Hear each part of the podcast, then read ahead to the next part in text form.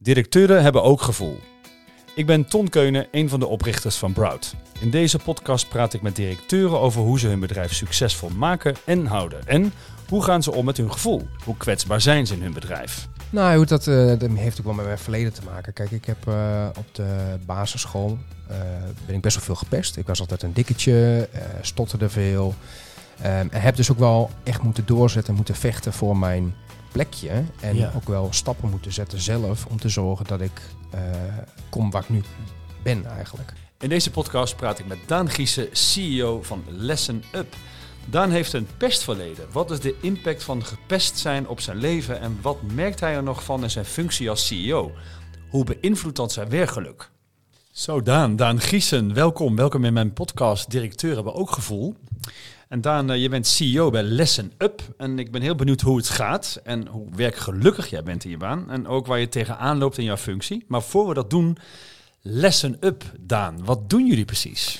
Ja, wat doen wij precies? Wij zijn eigenlijk in 2015 eh, gestart als platform om eh, docenten te helpen beter en meer interactief les te geven. Oké. En dat doen we op drie manieren. Ja. We hebben daar een, eh, een platform voor, een tool, Mhm. waar docenten les in kunnen maken. Mhm. Ehm, eigenlijk als een soort van PowerPoint. Ja. Maar daar voegen we ook interactieve elementen aan toe. Dus quizvragen, woordwebben, open vragen, et cetera. Ja. En die kunnen docenten in de klas gebruiken. Ehm, en daar hebben de kids heel veel plezier van, want die zitten tenminste op het puntje van hun stoel. Ja. Ehm, als ze bezig zijn, in plaats van dat ze een hele saaie, stoffige les Nou, krijgen leuk. Ja, uit het theorieboek. Ja, leuk. En, en waarom, vind je, waarom heb jij daar plezier aan? Ehm, omdat ik zie wat het met docenten doet. En het effect wat het dan weer in het klaslokaal heeft. Wat doet het met, studenten, met docenten dan? Nou, je ziet dat ze... Sommigen zijn een beetje ingedut, Mhm. misschien wel. Ehm, en die hebben best wel moeite om de klas mee te krijgen. Je kunt je voorstellen dat 30 kids... Uh-huh. Want de een is verliefd op de ander. De ander heeft net eh, stiekem een jointje gerookt. Die heeft eh, ruzie met eh, nog iemand. De ander heeft weer problemen thuis. Om die 30 kids echt in 45 minuten tijd gefocust te krijgen, is gewoon heel moeilijk. Ja, dat is een enorme uitdaging. En is Ja. in deze tijd, met alle afleidingen, mobieltjes en dergelijke, is dat heel complex om dat te blijven doen. Ja, Ehm, en ik denk dat wij daar een goede bijdrage in kunnen leveren. wat mooi. En heb jij, heb jij zelf een onder, onderwijsachtergrond of niet? Ehm, ik heb geen onderwijsachtergrond. Oké. Nee. En waarom vind je dit interessant? Nou, ik denk wel dat ehm, ik heb gezien welke impact ehm, het onderwijs vroeger mij heeft gemaakt. Mhm. En ook, ehm, ik weet nog hoe goed mijn geschiedenisleraar op de middelbare school is geweest. Of ik weet nog wat ik heb geleerd toen ik de eerste lessen Duits eh, kreeg, bij wijze van. Dat blijft gewoon je leven lang bij. Wat was daar goed? Ehm, dat is een goede vraag. Ik denk eh, vaak de inspirerende verhalen daarin. Mhm. Maar ook dus ook je als leerling mee kunnen nemen in de lesstof. En dus niet zeggen hier is je boek of hier is je opdracht. Ja. Maar echt meenemen in het verhaal. En ik denk dat ehm, deels door onze eh, software die we hebben, maar Mhm. ook alle ondersteuning die we bieden, dat wij daar een hele grote bijdrage in kunnen leveren. Wat mooi. Even een, kleine sidestep, eh Daan. Onderwijs, hè, behoorlijk hoog percentage burn-out gevallen bij onderwijzers en zo. Ja, Kun jij je dat voorstellen, dat dat zo is? ik kan me dat wel voorstellen, ja. Oké, wat, wat Ja. denk je dat er aan ten grondslag ligt? Nou, ik denk een paar dingen. Ik denk enerzijds natuurlijk de eh A, er zijn meer, of meer leerlingen, minder docenten. Mhm. Dus ehm ik denk Werkdruk dus? werkdruk in die Mhm. zin. Maar ik denk twee ook administratieve last die erbij is gekomen. Alles bijhouden, systemen. Als je al ziet dat docenten volgens mij acht of negen systemen bij te houden hebben voor eh, rapporten, cijfers, eh leerlingenadministratie, Ja. et cetera. Ja. Het wordt best wel complex. En, en denk je dat eh, onderwijzers genoeg geoutilleerd zijn om bijvoorbeeld alles wat je net noemde, de ene is verliefd op die, de ander heeft een jointje gerookt, die heeft weer problemen thuis. Zijn ze genoeg geoutilleerd om dat aan te kunnen en dat te kunnen behapstukken? Nou, ik denk, ik denk dat ze door schade en schande wel wijs worden. Ehm, dus je ziet dat met name de docenten die gewoon vijf à tien jaar werkervaring hebben, die dat prima kunnen. Oké. Eh, met met name de beginners, eh, en dat wijst onderzoek ook wel uit, dat de eerste vijf jaar van een docent, dat daar eigenlijk de meeste uitval eh, plaatsvindt. En heb je het idee dat wat Lesson Up doet, dat, dat dat ook helpt in zeg maar, de manier van dat ze dat beter aankunnen of mensen, de, leerlingen er beter bij houden, zodat dat beter gaat?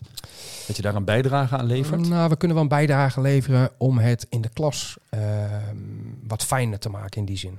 Ehm, dus een prettige sfeer te creëren, dat interactiviteit eh, te bieden. Ja. Ehm, het ook nuttig te maken dat jij je mobiele device eh, mee mag nemen. Nou, dat lijkt me sowieso bijdragen, toch?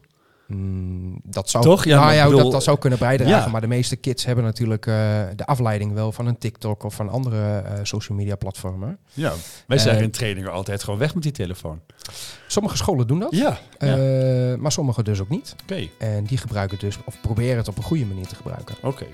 Zometeen praat ik verder met Daan, maar nu eerst een korte introductie van mezelf. Ik ben Ton Keunen en ik ben directeur van Broud. Wij ontwikkelen leiderschap binnen organisaties op elk niveau.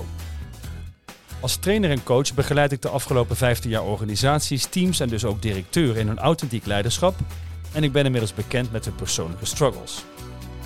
Voordat ik begon met coachen en trainen, heb ik jarenlang als Human Resource directeur binnen verschillende organisaties gewerkt. En ik weet uit eigen ervaring dat een veilige, transparante werkplek begint bij een directeur die kwetsbaar durft te zijn. En dat is voor die directeur, maar zeker ook voor de mensen om hem of haar heen, niet altijd even makkelijk.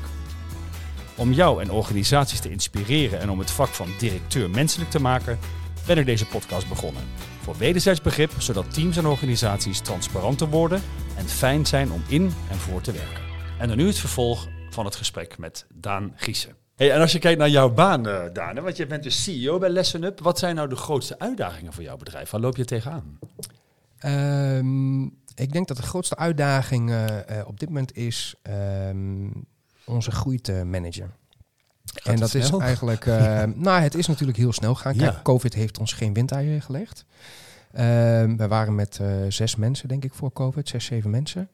En nu? hadden een bestaand platform. Ja. Eh, we zijn nu met 35. Wow.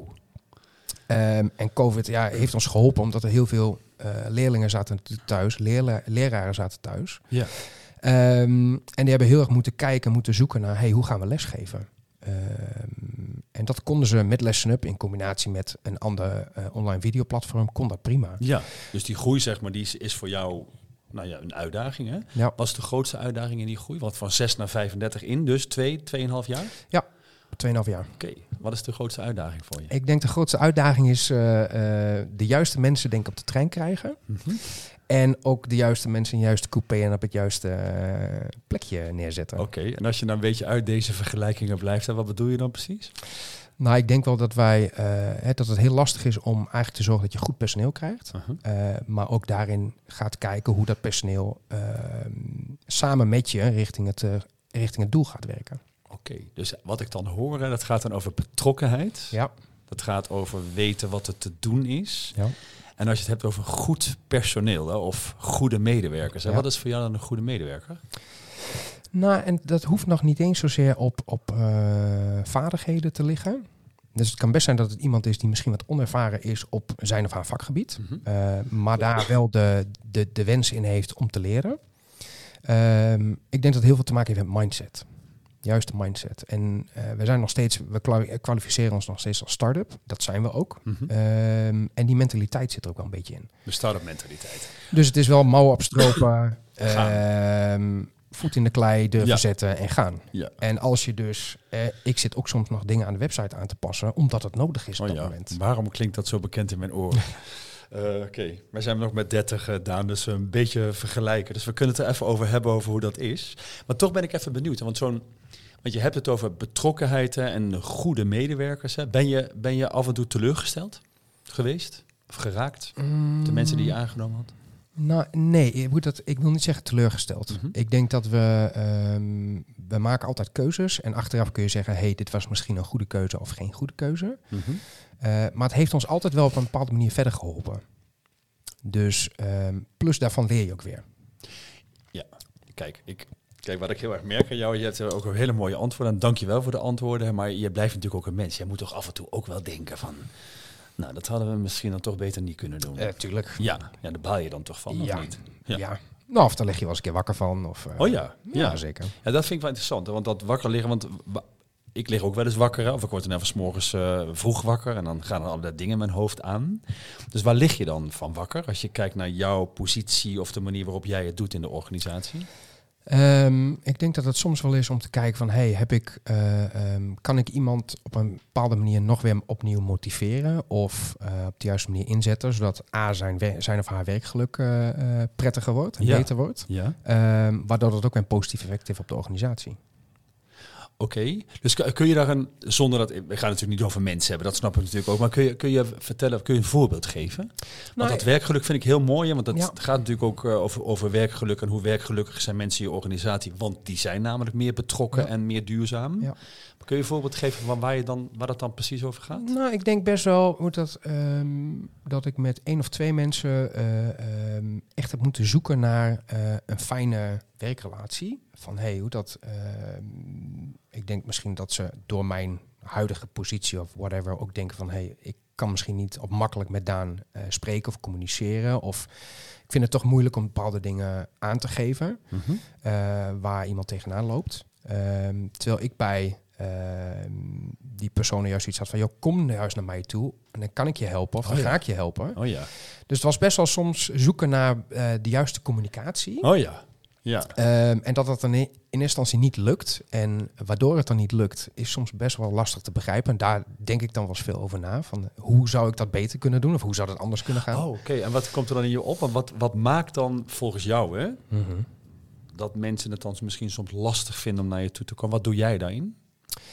Nou, ik denk dat ik best wel. ehm, ehm, en dat heb ik ook moeten leren, of dat is misschien door mijn positie ook wel gekomen, dat ik heel erg moet. eh, ik ben wat directiever geworden in die zin. Dus ik ben wel. eh, ik heb echt moeten zorgen voor. ehm, Oké jongens, we gaan nu. Ik maak een besluit, we gaan deze kant op. Ehm, en ik ben zelf ook best wel. eh, ehm, ik ben echt een doorzetter. Dus ik wil ook echt. En ik wil dingen graag goed gedaan hebben. ja, je bent communicatief sterk. Vind je? Ja. Oké, dank je. Ja, dat vind ik, ja, dat vind ik wel. Je hebt, heb je op alles een antwoord? Nee. Nee? Nee. Zo komt het wel over. Nou ja, dat is het dus, denk ik. Dat ik misschien ook op een bepaalde manier overkom. Waardoor mensen dan denken, oh, mag ik wel of kan ik wel met een Ja. probleem naar mij toe komen? En hoe is dat dan? Hoe kom je dan over, denk je? Ehm, ja, dat is een goede vraag. Ik denk misschien wat eh, besluitvaardig of eh, overweldigend. Ja, maar ik, mag ik zeggen hoe ik het zie? Zeker. Ik zie dat je... Ik denk dat je iemand bent met een enorm groot hart. Wat ik zo voor me zie. Maar het is nog een beetje gereserveerd. Er zit een afstand op. Mm, ja, dat klopt. Herken je dat? Ja. Ja. Het is ook wel door schade en schande wijs worden natuurlijk. Ja? Ja. Vertel eens. Nou, hoe dat, eh, dat heeft ook wel met mijn verleden te maken. Kijk, ik heb eh, op de basisschool eh, ben ik best wel veel gepest. Ik was altijd een dikketje, stotterde veel.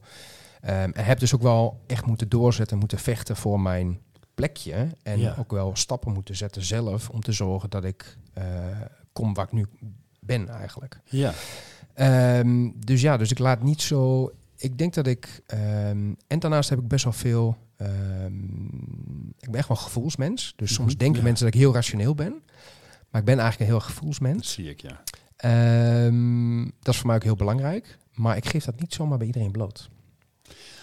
Op zich, hè. Kijk, vanuit verleden wat we allemaal meemaken... verzinnen we een overlevingsmechanismes. Hè. Die Ja. verzinnen wij niet. Die, die komen eigenlijk... Die, die pakken ons in plaats van dat we die overlevingsmechanismes pakken. Dat gedrag kiest ons in plaats van andersom. Dus als je dan... eh, je noemt het zelf dikkertje, hè. En je stotterde. Ja. Eh, heb je enig idee wat voor interpretatie je dat gegeven hebt? Oftewel, wat, wat betekende dat voor jou in die groep of op school? Wat was jij dan in jouw ogen? Ja, misschien niet goed genoeg of niet voldoende. Oké. En dan de, welke overlevingsmechanisme hoort daar dan bij? Nou, in eerste instantie weet ik niet zo goed. Had ik daar best wel veel eh, woede van. dus Ehm, boos. Ja. Boos. Ja. Misschien een beetje angstig. ja. Ehm, en ehm, ik denk dat mijn ouders, en zeker mijn moeder daarin, was altijd heel goed daarin om dat eh, ehm, thuis op te vangen. Ze liet me meestal even uitrazen en dan daarna kwam ik wel bij haar om te vertellen of er iets mis was gegaan. Ja. Dus ik moet zeggen, daar ben ik haar nog steeds heel dankbaar voor. Maar mijn vader had er wel iets meer moeite mee. Dus dat was grappig om, eh, grappig Ja? om te zien. Wat voor manier? Wat deed, hoe ging hij daarmee om dan? Nou ja, hij was, hij was juist, hij was eh, eh, natuurlijk overdag vaak niet, hij, was aan het werk. Maar s s'avonds dan was het meestal, ja, hoe is het dan? Hoe gaat het? En knuffel en kom hier. En dan had ik meestal wat moeite om juist even tot mezelf te kunnen komen en dat even te verwerken. En mijn moeder liet mij meestal maar even gaan. Ah, oké, die liet jou meer. Ja. Ah ja, Ja. oké. Ja. Ja. En jouw va- wat, wat, wat, hoe ervaarde je dat dan, dat jou, hoe jouw vader dat dan wilde doen?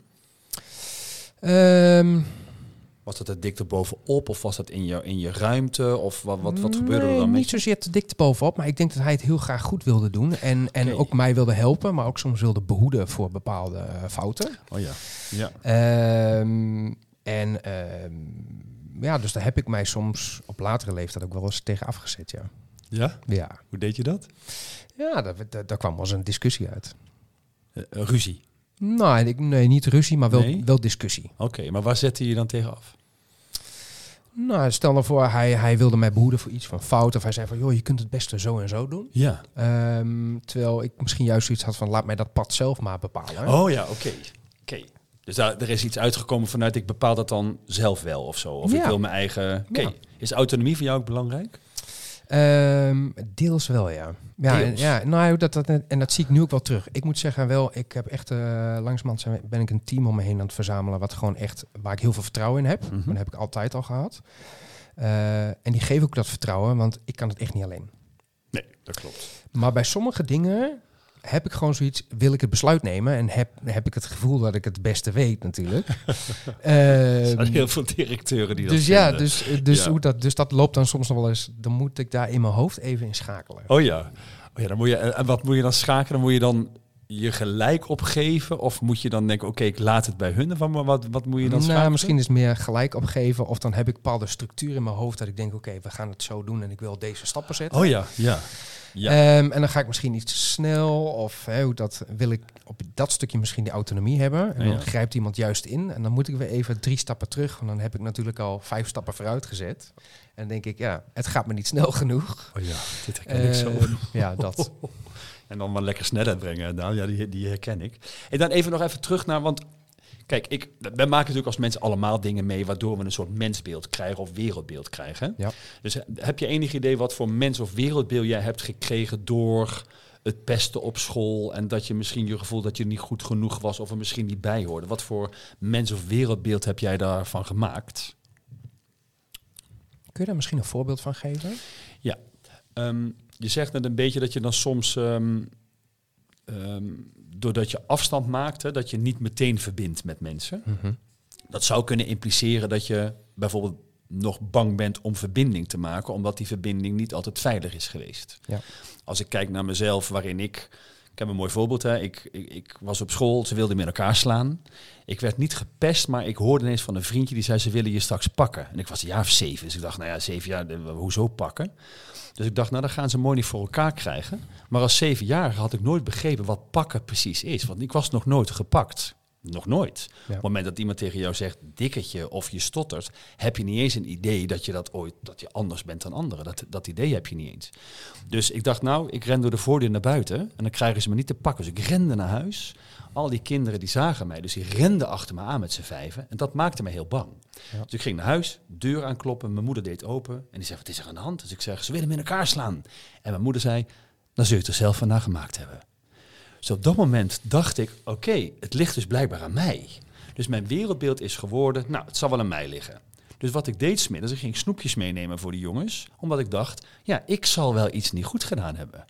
Nu ben ik bijna 55. Als jij vraagt, waar is mijn pen? Is mijn eerste gedachte, oh, die zal ik wel hebben. Ja. Dus zo sta ik in het leven. Dus als je daarnaar kijkt, wat is voor jou dan een soort van ding, soort, nou, laat maar zeggen, rode draad? Nou, dat is een mooi voorbeeld. Ik denk dat ik altijd ehm, het idee en gevoel heb gehad dat ik misschien niet goed genoeg ben geweest. En altijd een stapje harder en extra heb moeten zetten dan, ehm, dan anderen. Oké, En dat heb ik nu nog. Dus daar zit een stukje ehm, onbalans in mijn vertrouwen, denk ik. Ehm, en heb ik daar ook wel moeite mee om te zorgen dat ik voldoende vertrouwen heb. En kan mijn overlevingsstand best wel zijn. Ik moet dat uitstralen, dus doe ik daar net een stapje harder in. prachtig.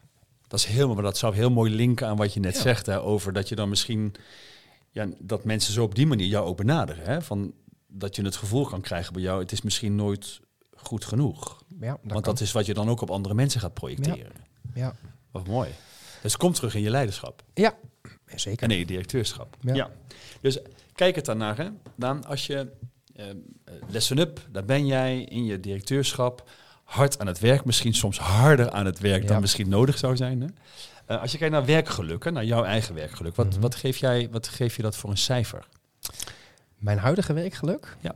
Ehm, ik denk dat dat al richting een 9 gaat. Zo. Ja. Zo. Ja. Nou, werkgeluk heeft verschillende facetten. Dat gaat over autonomie, dat gaat over eh, zingeving, dat gaat over plezier. Ja. Wat maakt dat dat een 9 is? Nou, ik denk dat daar een paar dingen aan te grondslag liggen. Mhm. Ehm, ik denk één is, eh, ook terugkijken op mijn vorige ehm, banen. Daar was ik altijd best wel in, in de modus van, oké, ik moet persoonlijk groeien of ik moet zelf iets goed doen. Of ik ben heel erg met, eigenlijk met mezelf bezig. Klinkt best wel egoïstisch, maar daar was ik heel erg met mezelf bezig. Laten we dat maar even in het midden laten. Maar wat goed, ik, heel, ja, bezig, wat ja. ik heel tof vind nu in mijn huidige rol, en daar ben ik natuurlijk ook ingegroeid, is dat ik meer met andere mensen bezig ben. Ehm, dus misschien sta ik juist iets minder. eh, mijn persoonlijke groei staat minder. ehm, staat iets meer op de achtergrond, denk ik. En de groei van mijn mensen staat juist veel meer op de voorgrond. Ehm, dat vind ik heel tof om te doen en ik merk dat ik daar heel veel energie uit haal. Zeker omdat ik zie wat voor een positief effect dat kan hebben. Wat voor effect heeft het dan? Nou, dat om bijvoorbeeld terug te komen hè, waar we het net over hadden, over als medewerkers of als je met iemand zit waarvan je denkt, hey, die mis, er is net wat miscommunicatie of dat loopt niet lekker. Uiteindelijk, eh, met deze betreffende persoon, zijn we wel op een modus gekomen waarin, het, waarin we die communicatie wel hebben gevonden. Oh ja. En dan zie je wat dat eh, met die betreffende persoon doet, maar dan zie je ook wat het met mij doet. En eh, ik haal daar heel veel energie uit, omdat ik zie dat het die persoon goed doet en Ja. daarmee het bedrijf vervolgens weer goed doet. Wat mooi. Wat ik, wat ik zo grappig vind, Daan, we hebben het zeg maar over jouw werkgeluk. Hè? Ja. En we hebben het over goed genoeg zijn en dat soort dingen. Nu hoor ik dat je zegt, nou, het zit dan eigenlijk bij andere mensen waardoor ik gelukkig Ja. word. Die snap ik heel erg. Hè? Ja. Dat je kunt genieten van de groei van andere mensen. Ga ik even terug naar jou. Dus afgezien van het feit dat je daarvan geniet.